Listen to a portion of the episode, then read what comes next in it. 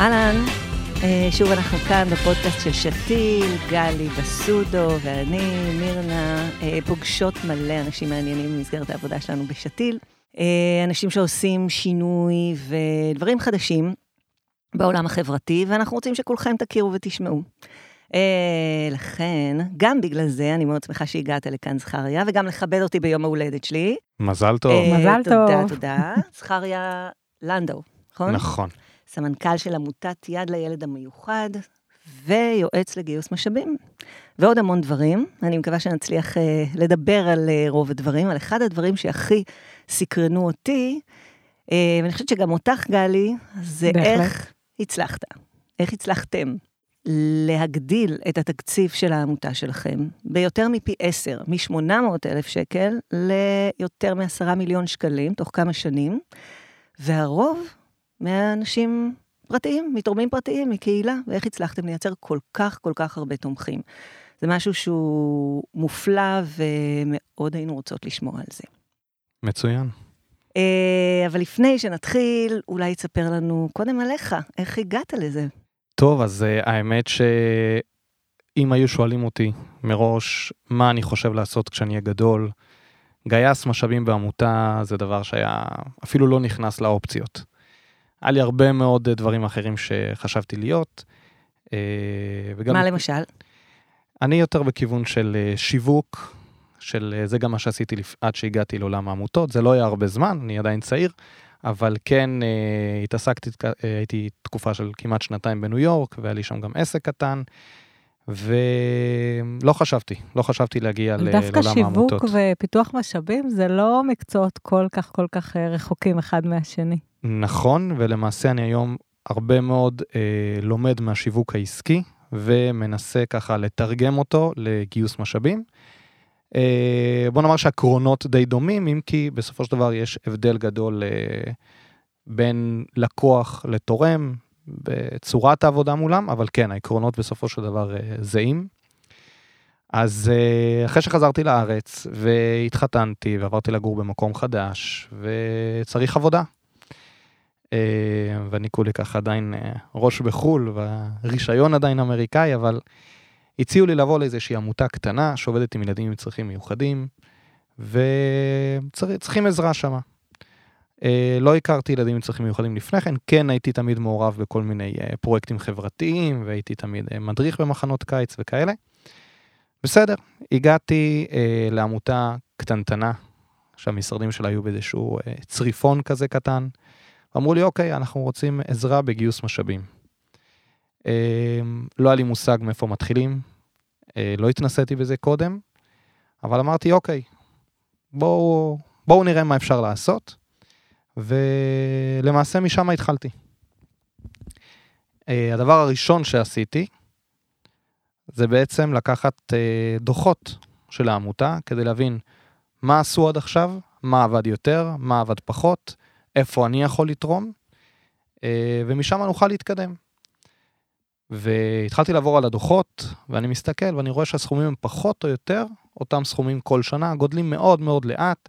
אנחנו מדברים על תקציב של 800 אלף שקל ב-2010, וגם אותם קבוצת תורמים.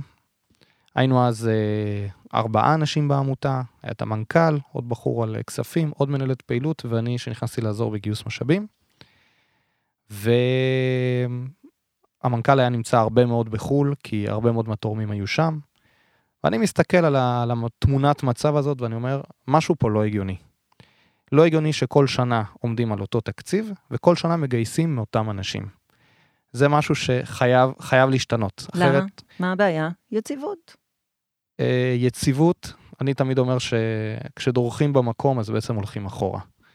המטרה של העמותה היא לגדול. אוקיי, אם אנחנו עם אופניים ועלייה ונפסיק לדווש, אנחנו ניפול אחורה. ואם עמותה מרוצה מהתקציב שלה, בסדר, תמיד צריך לגדול גם בשביל לעשות את הפעילות יותר גדולה, וגם כי כשמבוססים על תורמים, אז כל דבר קטן יכול להפיל אה, בשנייה עמותה שנסמכת על אותם אה, סוג של תורמים. צריך תמיד שיהיה גיוון, גם ברמת מקורות הכנסה וגם בין התורמים השונים. הסוג הזה שאתה מדבר עליו, כולם היו תורמים מחו"ל, מארצות הברית, או לאו דווקא? לאו דווקא, הם היו מגוונים. אבל אה, אם יש עמותה שחלק גדול ממנה, נניח 30 אחוז, זה תורמים מחו"ל, והנה עכשיו הייתה אה, סופה, אוקיי? ורוב הסיכויים שתורמים שנפגעו בעקבות כך יפסיקו את התרומות שלהם, אז אנחנו בעצם בגירעון של 30 אחוז. ולכן צריך כל הזמן, וזו עבודה של גייס משאבים בעצם, להמשיך ולגייס כל הזמן עוד ועוד אה, תורמים, תוך כדי שימור על הקיים. אז זה בעצם, כשהסתכלתי על הרשימה הזאת, אמרתי, זה לא הגיוני כל שנה לגייס מחדש את אותם תורמים. צריכים להגיע למצב שבו אותם תורמים שכבר עבדנו עליהם וגייסנו אותם שנה שעברה, הם ממשיכים איתנו. ואנחנו מצרפים אליהם עוד חדשים. כשאלה הישנים ממשיכים איתנו ואפילו מגדילים את התרומה שלהם, ואז אפשר לבוא ולמצוא תורמים חדשים ואת אותן אנרגיות שהשקענו שנה שעברה כדי לגייס 800 אלף שקל מתורמים מסוימים, אנחנו נשקיע ולגייס אותם מתורמים חדשים. את התורמים הישנים, אנחנו צריכים לייצר מנגנון שיגרום להם להמשיך ולתרום ולהגדיל את התרומות כל הזמן. זה מזכיר לי משהו שפעם, אה, דבר אולי אה, בין היחידים שאני זוכרת מקורס באסטרטגיה שיווקית שפעם לקחתי, אה, שיש מין כלל שלימדו אותנו, שאומר שתמיד עדיף לשווק ללקוחות קיימים מאשר לחפש לקוחות חדשים. תמיד זה יהיה קל יותר לשווק.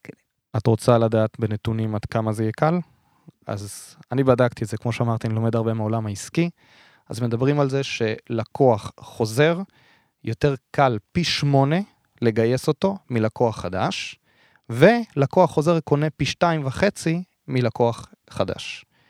יש לו וואו. כבר את האמון, אנחנו לא עובדים איתו על בוא תוציא את האשראי מהכיס, אלא על איזה סכום אנחנו הולכים לגייס לך מהאשראי. מה, וזה... מה זה אומר יותר קל? יותר קל אה, נעמד במה? בשעות עבודה? יותר קל, קודם כל, מבחינת עלות אז עלות של חידוש קשר עם תורם, או שימור הקשר הרציף עם התורם, הוא משמעותית יותר זול מההשקעה הכספית הנדרשת כדי להגיע לתורם חדש. גם מבחינת הגודל של התרומה, תורם שכבר תרם לנו פעם, אז הוא יתרום לפחות את אותו סכום, לפחות אם לא יגדיל. וכשאנחנו צריכים לשכנע בן אדם אם לתרום או האם להגדיל את התרומה, אז להגדיל את התרומה יהיה לנו יותר קל. אבל אתה יודע מה אני הרבה פעמים שומעת מאנשים מארגונים, גם מפתחי משאבים וגם מנהלים של ארגונים, אומרים, כבר לא נעים לנו כל הזמן לפנות לאותם אנשים, כמה כבר אפשר לבקש מאותו בן אדם? אני לא מדבר שאותו תורם נבוא אליו חודש אחרי חודש. אני מדבר על זה שאם השנה השגנו תורם, אז שנה הבאה אני לא צריך לגייס אותו מחדש, הוא כבר מגויס, אני צריך לשכנע אותו להמשיך לתרום או להגדיל את התרומה. ותכף כשנדבר על המהלכים שאנחנו עושים עד הבקשת תרומה הבאה, אז את תביני שזה כבר, לא רק שזה לא נעים, אלא זה מתבקש. אוקיי, אז ספר לנו על המהלכים שאתם עושים עד השנה. אוקיי, אני לא אגלה הכל, אבל נתחיל. אז קודם כל, אה, תורם שרגיל לראות אותך פעם בשנה, ואתה בא לבקש ממנו תרומה, זה בערך כמו אותו חבר שמתקשר, ואתה יודע כל פעם שהוא מתקשר, הנה הוא בא לבקש טובה. אז לכן מאוד מאוד חשוב, וזה הצעד הראשון שלמעשה עשיתי, זה שהתורמים שאנחנו איתם בקשר פעם בשנה, הקשר איתם יהפוך לקשר יותר רציף. עכשיו, לא תמיד זה אפשרי ברמה של אה, להרים טלפון, או ממש להיות בקשר, ולפעמים גם התורמים לא רוצים להיכנס לסוג של נקרא לזה חתונה קתולית. ואוקיי, אני תרמתי לך ואתה עכשיו הפכת אותי לאיזה שותף שלך ואתה מתחיל להתייעץ איתי ולעדכן אותי, תן לי גם את הספייס שלי. יותר מזה, ספאם, עכשיו תשליח, תתחיל לשלוח לי ניוזלטרים, אימיילים. אז אה, כן, אני אומר בפירוש לאנשים, כשאני מבקש מהם את הכתובת מייל שלהם, אני אומר להם, אני פעם בחודש, כל ראשון לחודש, מחכה לך מייל. במייל הזה אני מספר לך מה הכסף שלך עשה. אתה תפתח את זה פעם אחת, אתה תראה איזה יפה, אתה תראה איזה טוב זה עושה לך ללב. לא תרצה, אל תפתח, לא תרצה, תעשה עשרה, אין שום בעיה. אבל זה יהיה לך פעם בחודש קבוע. אני חושבת שבהתייחס לזה, סוגיית המינון היא נורא חשובה. כי אחת, באמת התחושה שלי לפעמים, ששולחים לי, מדבררים אותי פעם בשנה, או פעם ב... רבעון ונותנים לי רשימת מכולת של כל מה שעשינו, אני נשארת פסיבית. אני לא יודעת מה לעשות עם זה.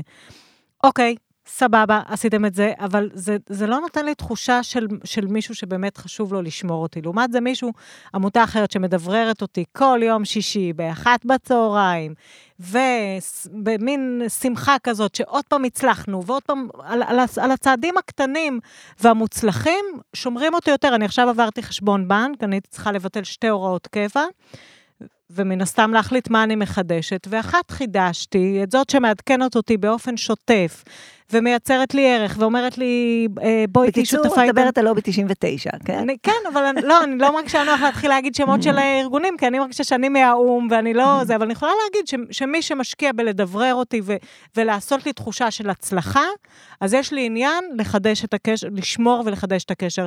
ומי שמבליח פעם ב... ומספר לי ככה... משהו מאוד אנקדוטלי, אז, אה, אז הוא, מפ, הוא מפספס אותי, וה, והבלנס הזה, כי הרבה אנשים הרגישו שהם נודניקים, פעם בשבוע לשלוח אימייל זה נראה ממש מטרידני, ו, ולפחות אני לא חווה את זה ככה, אז, אז כנראה שפה זה גם תלוי מה אתה עושה. זה... אתה, אתה מדבר על פעם בחודש, שזה באמת איזשהו אה, בלנס שאת, שאתם כנראה כן, זיהיתם. כן, תראי, קודם כל לובי 99 זה דוגמה באמת מעולה ומככבים בכל ההרצאות שלי, ואני תורם להם קבוע, דווקא בגלל זה שאני יודע שכל יום שישי מחכה לעדכון. אני מחלק את השאלה שלך לשתיים. יש את, את סוג המינון, ו, כלומר כמה פעמים מדברים, וגם מה מדברים, אוקיי? כי גם אם אני אשלח לך פעם בחודש רשימת מכולת, או פעם בשבוע רשימת מכולת, את עדיין לא תאהבי, למרות שאני מעדכן אותך ממש טוב כל שבוע. לעומת זאת, אם אני אבחר את הדברים שאני יודע שאת תשמחי לשמוע, וישים רק אותם, כי בסופו של דבר אנשים לא יקראו יותר מדי.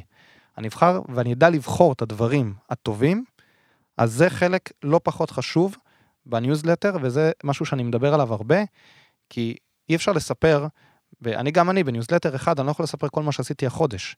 אני מתוך 30 או 40 סיפורים מרגשים, בוחר שמונה, תשעה, הכי הרבה סיפורים שאני יודע שהם ממש ממש טובים, ואני גם מסדר אותם בצורה כזאת שגם אם יש תורם שפתח את המייל ומיד סגר, אז אני יודע מה הסיפור הראשון שאני רוצה שהוא ייחשף אליו.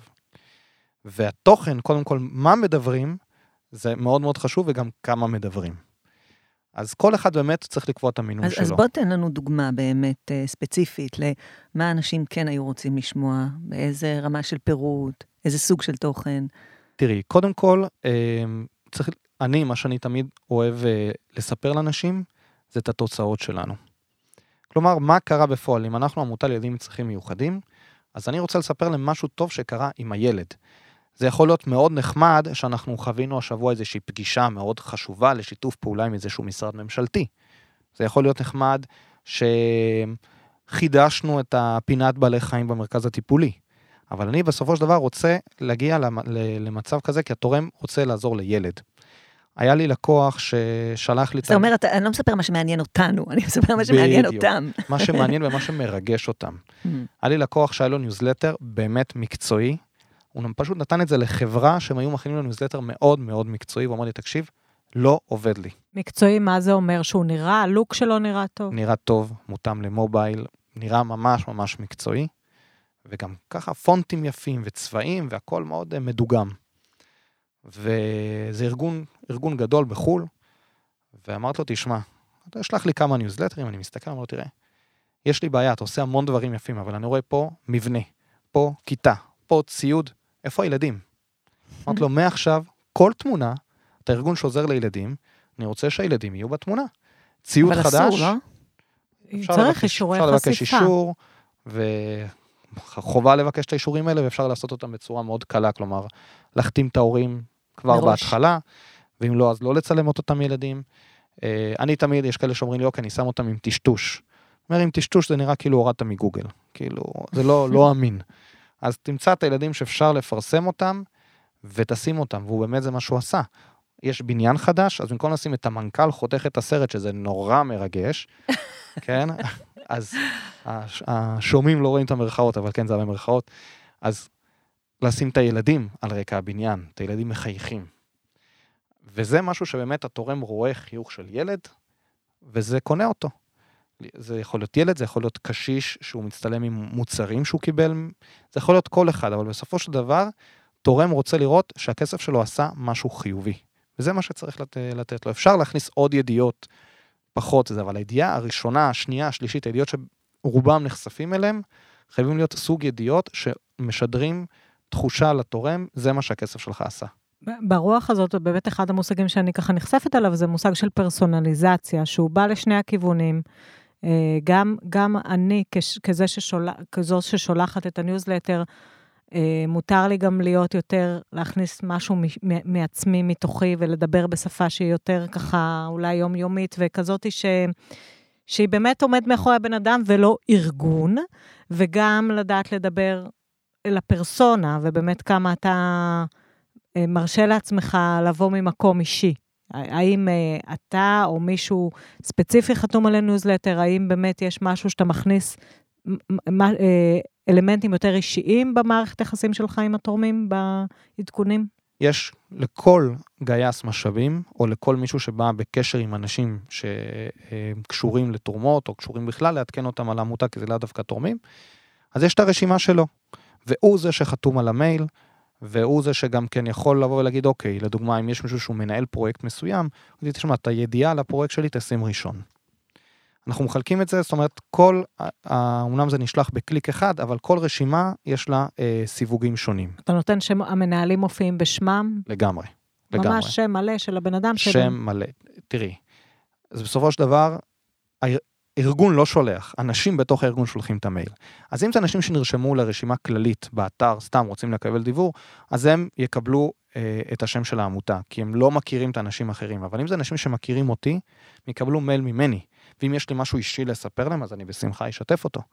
אין לי שום בעיה ואני מקבל על זה תגובות מצוינות. אז כן חשוב, באמת, האישיות, להפוך את המייל הזה לאישי, זה מאוד מאוד מעלה את הפתיחות ואת הרצון של אנשים בכלל לקרוא. תגיד, אז בוא נגיד שיש לך באמת ניוזלטר שעובד ואתה שולח אותו מדי חודש, ואנשים, יש לך, אנשים פותחים את זה. אה, איך אתה הופך את זה לכסף? איך אני הופך את זה לכסף? אני, זה מתורגם בסופו של דבר במעמד התרומה הבא. כלומר, אני מגיע למעמד התרומה הבא עם הרבה יותר כוח. אני לא זה האיש שמגיע פעם בשנה ואוסף את התרומה, אני החבר שנמצא איתו בקשר כל השנה, שמעדכן אותו כל הזמן מה הכסף שלו עושה, ואני בעצם בא לפגוש אותו ולהודות לו על התרומה שלו, ולהגיד לו, ראית מה עשינו כל השנה? בוא תיקח על עצמך את השנה שוב פעם, אולי אפילו בוא, תראה, אנחנו רוצים להגדיל את הפעילות ב-10-20 אחוז, אולי תגדיל גם את התרומה. היחס ש... שאני מגיע לתורם הוא אחרת לגמרי, גם אם הוא לא פתח את המיילים. ואני רואה, יש בתוכנות דיוור, יש סטטיסטיקות מאוד מאוד מסודרות, אז גם אם הוא לא פתח את המיילים, אני, הוא, עצם זה שהוא רואה פעם בחודש מייל ממני, הוא מבין שזה, שאני, שאני בא לעדכן אותו. דרך אגב, בנושא של אחוזי פתיחה, אני, אני אה, מדבררת את אה, שיפט, שזה הבלוג של שתיל, ו, ובאמת, אני ככה, ממה שקראתי, מחומרים שקראתי, אני יודעת שאני צריכה לשבת במינימום 20 אחוז פתיחה, ולשאוף 20-25 זה בסדר. פחות מזה, כשאתה מגרד את ה-20 מלמטה, סימן ש, ש, שכדאי שתחדד יותר את המסרים שלך, תשפר את, אה, את אה, שורת הפתיח או משהו כזה. איפה אתה עומד באחוזים? יש לך... מבחינת אחוזים אנחנו עומדים על כמעט 40 אחוזי פתיחה. אני יודע שזה, מדהים, מדהים. שזה מטורף. זה מאוד מאוד גבוה. אני יכול להגיד לכם שאני יושב המון, המון, המון על הכותרת. הכותרת בסופו של דבר... שורת הכותרת שאנשים מקבלים את המייל, מה הם רואים? הכותרת, ולא רק כותרת, יש הרי בג'ימל, הדר. יש, כן, יש, כן. יש את הפתיח, וברב מסר אגב, הם נותנים אפשרות לעצב את זה בצורה אישית. בדרך כלל זה מגיע השורה הראשונה. ואז יכול להיות, להיות מצב שבן אדם רואה כותרת מפוצצת, והוא רואה אחר כך, שלום, מה שלומך, מה נשמע, כי זה בעצם תחילת המייל. וזה לא גורם לו לפתוח, או אפילו יש כאלה שרואים, אם אינך רואה, אה, לחץ כאן לקישור בדפדפן, שזה בכלל שורה מיותרת לחלוטין. אז כשאפשר לעצב את המסר באופן אישי, אז יש לי בעצם כותרת כפולה, כותרת משנה. הכותרת, בסופו של דבר, היא מה שגורמת לאנשים לפתוח. הכותרת צריכה להיות מסקרנת, כותרת צריכה אה, לדווח על משהו גדול, אולי לשאול שאלה, וכמובן כל הזמן לגוון. אפרופו שאלה באמת, אחד הדברים שמעניינים זה עד כמה אתה מצליח לייצר אה, דו-כיווניות בקשר אנשים שפונים, ש, שאתה, האם הניוזלטרים לפעמים מניעים לפעולה, מעבר להנאה לפעולה של בואו תתרמו לנו פעם בשנה, האם יש לאורך השנה ובדברורים אתה גם, גם אה, מנסה לאסוף מידע או להניע אנשים באופן אה, נוסף? אז לדוגמה, אם תורמים מחו"ל, אני הרבה פעמים שואל אותם, די בתחילת המייל, האם אתה מתכנן לבוא לארץ בתקופה הקרובה? ואז הם עונים לי בחזרה, כן, אני מגיע בתחילת אוגוסט. ואז אנחנו ממשיכים להתכתב, אולי תבוא לבקר, אולי תבוא לראות את הפעילות בעיניים, וזה מביא לי המון המון אנשים שבאים לבקר. אני יכול להשחיל שאלות באמת כדי לקבל יותר מידע, או, או לחילופין אותו דבר הפוך, אני מגיע לניו יורק, האם נוכל להיפגש? ואנשים עונים. אבל זה חי, אתה מדבר על המון המון אנשים. זה מחולק לקבוצות. Mm-hmm. תמיד זה מחולק לקבוצות. אז כל הניו יורקים, לצורך העניין, מקבלים... הניו יורקים לכאן, והלוס אנג'לס לכאן, והקנדים במקום אחר, כולם מסודרים בצורה כזאת או אחרת, ואפשר לדבר אליהם ברמה טובה. אנחנו מכניסים את המיילים בצורה כזאת שאני כבר יודע לאן להכניס אותו. אוקיי, זה לא איזה רשימת תפוצה, ואנחנו בואו נאסוף את כל הכרטיסי ביקור ונשחיל פנימה. אנשים יודעים לשייך כל כרטיס ביקור למקום אחר, וככה שומרים על, אה, על קשר טוב עם האנשים האלה. אה, זכריה, אנחנו אה, מקודם, אתם דיברתם על אלפי אנשים, אתה וגלי, אלפי אנשים שיש לכם בציבור התומכים שלכם. ואני מניחה שיש לנו לפחות מאזין אחד או שתיים שחושב לעצמו, איך מגיעים לאלפי אנשים שמחוברים אליכם לאורך זמן? זה האתגר הכי גדול של כולם, איך להגיע לאנשים חדשים. אז uh, אני פחות אדבר על מה אנחנו עושים היום, כי היום זה כבר יותר קל, איזושהי תגובת שרשרת כזאת. אבל אם מישהו עכשיו נמצא במצב שהוא אומר, אוקיי, אני חייב עכשיו לגייס כמה תורמים חדשים, איך אני מגיע לפתוח דפי זהב, כאילו, איך זה עובד? אז קודם כל, צריך להתחיל מהמעגלים הפנימיים. מהמשפחה, מחברים, מעובדים של העמותה. אמ, לראות למי אפשר לפנות, מי יכול להיות שמכיר מישהו, אצל מי אפשר לעשות איזשהו חוג בית. אמ, איך אפשר להגיע לקהל של יותר גדול. יכול לתת לנו דוגמה לאיזה קשר מפתיע אחד ש... תראי, בארצות הברית הנושא של חוגי בית הוא חזק מאוד. כאן בארץ הוא פחות נכנס. יש עדיין פה ערבי התרמה ודברים כאלה שזה גם הרבה פעמים אה, מכסים רק את העלויות, אבל בעצם יוצרים פה רשימה מאוד גדולה של אנשים. אה, אבל בחוגי בית, לדוגמה, אז מספיק קשר עם בן אדם אחד, שהוא אומר, אוקיי, אני מארח אצלי בבית את החברים שלי, אתם לא מכירים את החברים שלי, אני מכיר אותם, אני מזמין אותם, ומבחינתם יבואו בגלל שאני הזמנתי אותם. ובחוג בית אתה יכול לבוא ולהציג את הפעילות שלך, ולהגיד להם בואו ותתגייסו. אז כבר בערב אחד אפשר לגייס עשרות תומכים חדשים. ששמעו, שחלקם אולי אפילו תרמו במקום. לפעמים בחוגי בית אומרים, אוקיי, חבר'ה, אנחנו עכשיו, מפה אנחנו יוצאים עם סכום כזה וכזה, בואו נראה מה כל אחד נותן, זה גם יוצר איזשהו לחץ חברתי כזה נחמד, ואז אתה יוצא גם עם סכום יפה וגם עם רשימה של אנשים חדשים. עכשיו, כל אחד מכיר עוד הרבה אנשים. היום בעידן הרשתות החברתיות, אז זה מאוד קל, כי אם אני מבקש מאנשים לשתף, אז זה כבר מגיע להרבה מאוד אנשים. אז זה, הרעיון בסופו של דבר זה באמת מצד אחד לתת חשיפה מאוד גדולה לפעילות שלנו, שהיום זה נורא קל, לא צריך דווקא ללכת לסחור איזושהי חברת יח"צ מאוד מאוד גדולה. וגם אה, מבחינתנו יש את העבודה הפנימית, כלומר, הרבה פעמים אני מגיע לעמותות ואני נכנס לאתר אינטרנט שלהם, לפייסבוק שלהם, אני לא מבין כל כך מה הם רוצים. לפעמים אני מבין בגדול מה הם רוצים, אבל כשאני רוצה לתרום, אני לא יודע למה אני תורם, איך אני תורם, לפעמים הדף תרומה לא עובד. אז גם בקטע הזה של תשתיות, שאם מישהו נכנס לעמותה ומחפש אתכם, אז אה, שידע מה למצוא. ולדוגמה סתם אתמול בפייסבוק, אז העלינו את הקמפיין המונים, ומישהי שיתפה את, ה, את הקישור, ומישהי אחרת כתבה, התחילה לכתוב, אוקיי, הפרויקט הזה מעניין, אבל אני מחפשת לתרום דווקא לנופשונים של ילדים מיוחדים. אמרתי לה, מצוין. ילדים עם צרכים מיוחדים. כן. אמרתי לה, מצוין, יש לנו גם נופשון. היא כותבת, אוקיי, אני רוצה לעשות הוראת קבע.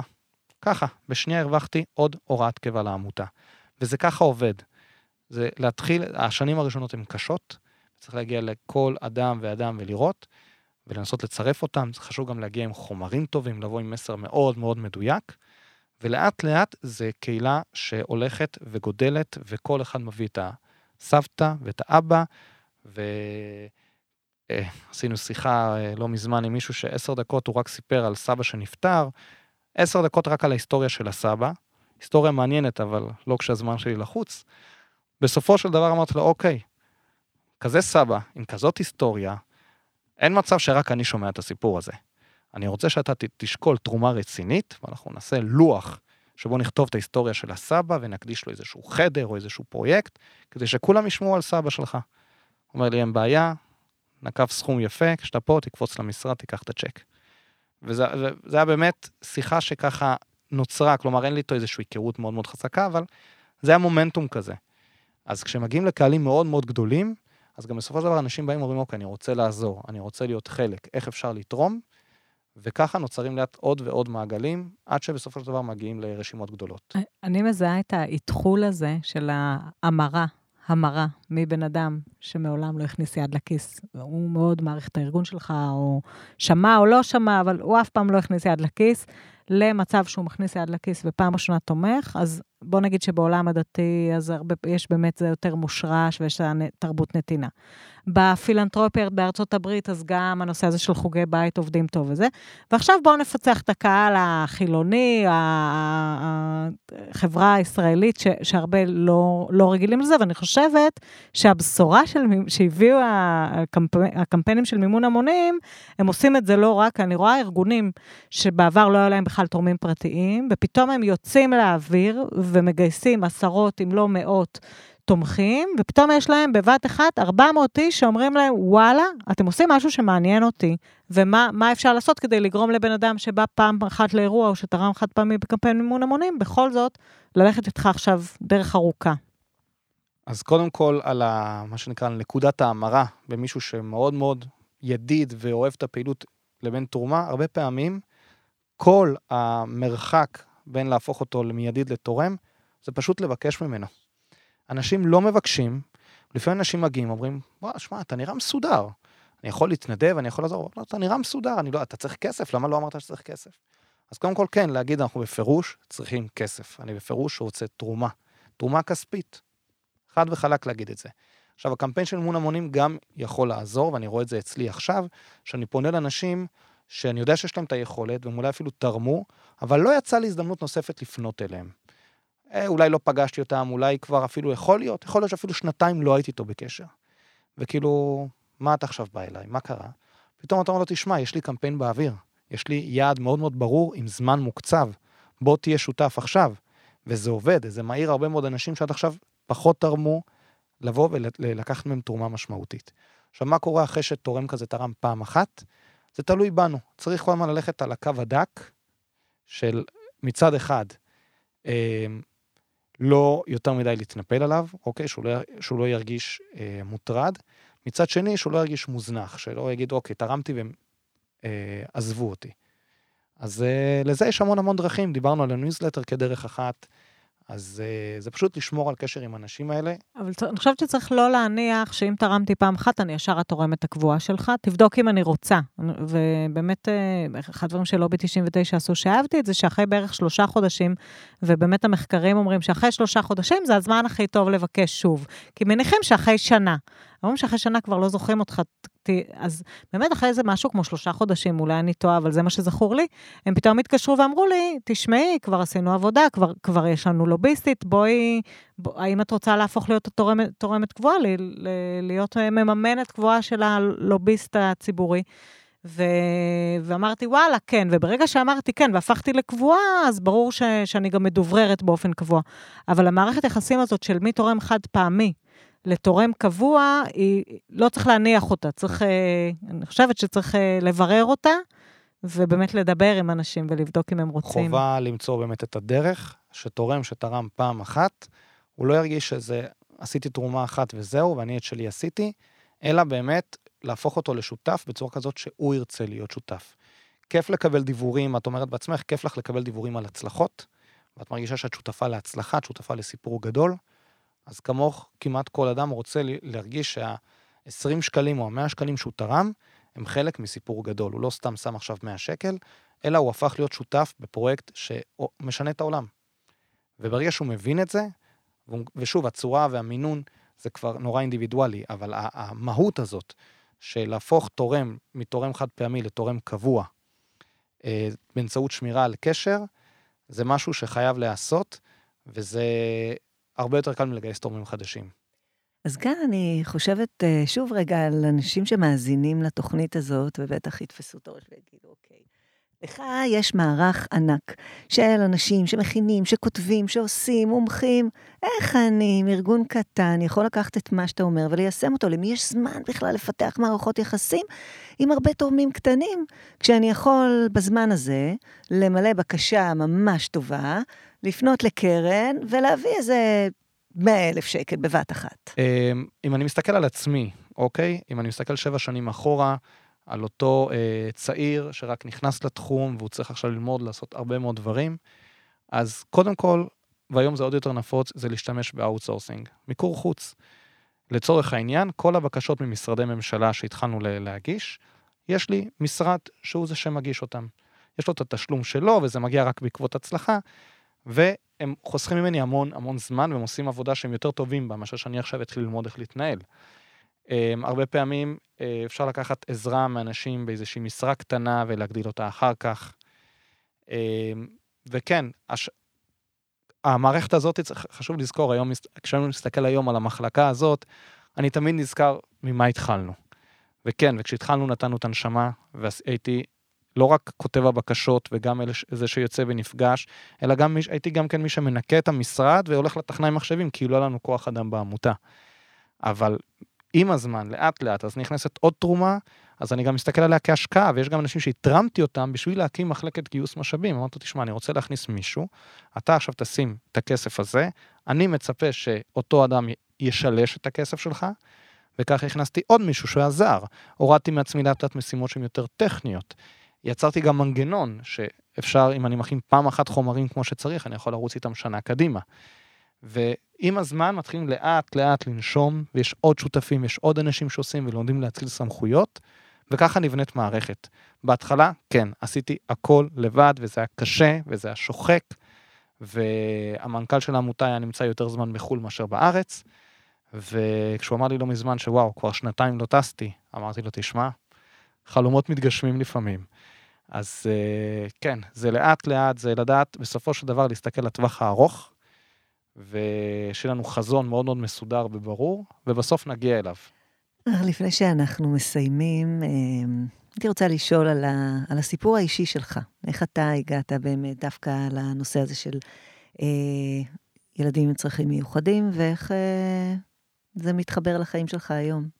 אז האמת שהוא, זה גם, האמת שזה גם מתקשר לשאלה האחרונה ששאלת, כי אחרי ש... בוא נאמר שבשנה וחצי הראשונות, שנתיים הראשונות אצלי בעמותה, לא קצרתי הרבה הצלחות. זה היה נורא, אה, נורא שובר, כי הייתי עובד והכול. ואין, ולא הגיע מזה כסף. וכבר אמרתי לעצמי, יכול להיות שבאמת זה לא, זה לא המקום שלי. ואז קרו כמה דברים שסימנו לי שאוקיי, אתה בנתיב הנכון. אז אם נתחיל מהדברים המשמחים יותר, זה שפתאום בבת אחת כמה קרנות התחילו לאשר לי מענקים. 40 אלף דולר, 50 אלף, פתאום וואו, מאיפה נפל עליי כל הטוב הזה? אז הטוב הזה לא נפל, הוא פשוט תוצאה של עבודה, ושל המתנה, ושל ללמוד ממה שלא הצליח ולנסות את זה שוב בצורה יותר טובה. בנוסף, אני בעצמי הפכתי להיות אבא לילדים עם צרכים מיוחדים. יש לי ילד בן חמש עם אה, פיגור בינוני, ו... ואני פתאום חווה את כל השירותים, נקרא לזה, שהעמותה נותנת, לא רק מהצד הנותן, אלא גם מהצד המקבל. וקודם כל, אז אה, אולי הרבה אנשים פה יגידו, טוב, זה לא שייך לכולם, אבל נכון, יש לי את הסיפור האישי. כי כשאני בא לתורם ואני אומר לו שאני בעצמי אבא לילד מיוחד, אז אין ספק שזה יותר מרגש אותו. ואני תמיד מראה להם תמונות של הילד והכל, אז אין ספק, ובוא נאמר שאני לא מאחל לאף אחד סיפור אישי בקטע הזה. אם כי כן חשוב הרבה פעמים למצוא את הסיפור האישי. כלומר, הרבה פעמים האנשים פועלים לתקן משהו שהם בעצמם היו. אנשים שעובדים עם נוער בסיכון כי פעם הם היו שם, אז כן חשוב להדגיש את הסיפור האישי. Uh, בכל אופן, אצלי הסיפור האישי, uh, הוא מאוד מאוד חיבר אותי לעשייה. אני פתאום הבנתי יותר את הערך של מה שאני עושה. וכשאתה מחובר לעשייה שלך, אז זה מקרין עליך בהכל. אני, יש לי איזו שאלה שתהיה שאלה כנראה לסיום, שהתחלנו, דיברת בהתחלה על תורמים פרטיים, וככה לקראת הסוף הדוגמאות דווקא היו יותר מעבודה עם קרנות. ואותי מעניין בתור מי שכבר, אה, וואו, כמה שנים, אני לא יודעת, איזה 17 או משהו כזה שנים בתחום הזה, בעולם הזה של פיתוח משאבים, איך אתה רואה אותו בעוד עשר שנים? לאן, מה יקרה פה, מה יקרה בתחום הזה בישראל? לאן אתה חושב שזה יתפתח? על רקע הירידה של הפילנטרופיה מארצות הברית, אה, או מגמות אחרות שאתה מזהה? אמ, תראי, כשאנשים אומרים הרבה פעמים שקרנות פילנטרופיות זה כבר לא מה שהיה פעם, הן תורמות פחות, אבל הנתונים מראים שהן תורמות יותר. אוקיי, המספרים, הסכומים שהם מוצאים הם עולים. אז מה שקורה זה שבעצם פחות עמותות מקבלות, אה, את הכספים, אבל יש עמותות שיודעות לעבוד עם קרנות והן ממשיכות לקבל מענקים. המגמה ש... שנמצאת הרבה אצל קרנות, זה קודם כל הם הפכו להיות הרבה יותר מקצועיים. אני רואה כל שנה שאני צריך למלא לאותה קרן בקשה חדשה, תמיד יש הוספות חדשות. תמיד הם דורשים עוד יותר מקצועיות והם רוצים לראות עוד יותר אה, תוצאות. כלומר, זה הפך להיות יותר קשה כי הם דורשים יותר. יש פה הרבה, הרבה, המון עמותות בארץ, אוקיי? אנחנו ארץ שבאמת מרובה בעמותות, וככל שהתחרות גדלה, אז יותר קשה לבלוט, ויותר קשה לקבל את המענקים. מה יקרה עוד עשר שנים? רק בהקשר הזה, אז באמת בשתיל אנחנו עובדים באמת עם עמותות שהן יותר מאתגרות את השיח, עמותות סינגור, עמותות שעוסקות בסוגיות שהן אה, פחות מיינסטרימיות, ולכן במקרה שלהם, אז באמת שם הפגיעה הפילנטרופית היא יותר גדולה. וזהו, זה רק ה...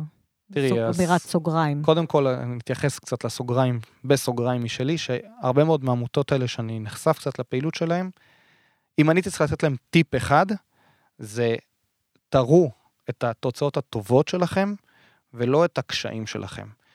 הממשלה, וביבי, ופה ושם, וזה, והמימון זר, והחוקים, הכל זה, זה, זה נכון, וזה צודק, אבל אל תספרו את זה לתורם. לתורם תספרו מה קרה עם הכסף שעשיתם פעם קודמת, ותקשו ממנו לתרום עוד פעם. אז זה בסוגריים. אמ, אבל כן, אני, אם אני מסתכל עוד עשר שנים קדימה, אז באמת עמותות שיש להן אסטרטגיה וחזון ברורים וממוקדים בעשייה שלהם, יוכלו להמשיך לעבוד עם, עם הפילנטרופים אה, בצורה טובה ומקצועית. עמותות שהן מה שנקרא נותנות זבנגים. פה עושים קמפיין מימון המונים, פה עושים ערב התרמה, והכל כזה נורא מפוזר ואין איזה אסטרטגיה ברורה ואין שימור תורמים לזמן הארוך.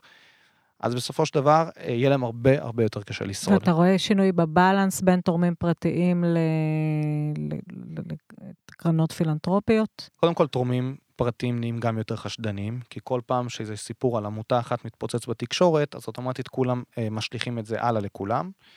אה, כן נהיה קצת יותר הבנה, כלומר, אני, כשאני פוגש אנשים, אני תמיד מסביר להם באמת איך עמותה עובדת, כלומר, זה לא אנשים שקמים בבוקר ומתנדבים, אוקיי, לכולם יש אה, הוצאות.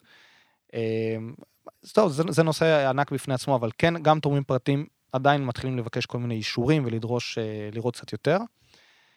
אמ, תראי, בסופו של דבר, השינוי שאני בעיקר הייתי רוצה לראות, זה שינוי אצל העמותות. אה, לעבוד בצורה יותר מקצועית, לעבוד בצורה יותר שקופה, אמ, יותר להסביר בצורה טובה מה אתם עושים ומה אתם צריכים, ואני חושב שעמותה שעוברת תהליך כזה, ואגב, אני עשיתי את זה בעמותה בשנתיים האחרונות, עם עמותה שנקראת נובה, ועשינו איזשהו מיצוב מחדש. נובה של הסטודנטים. נכון. ועשינו מיצוב מחדש, ואסטרטגיה ברורה, בנינו תוכניות חמש שנים קדימה, זה לקח אותנו למקום אחר. ואני אומר, העמותות שיעשו שיעורי בית ויעבדו בצורה כזאת, הם לא רק שהם יצליחו לשרוד, אלא להפך, הם ישגשגו ויצמחו הרבה יותר. חד משמעית. אופטימי. טוב, אז באופטימיות הזאת אנחנו נסיים. תודה רבה לך, זכריה, שחלקת איתנו את הידע הרב שלך. תודה לכם, היה כיף. תודה למרסיאל על ההקלטה המעולה. תודה. תודה, להתראות.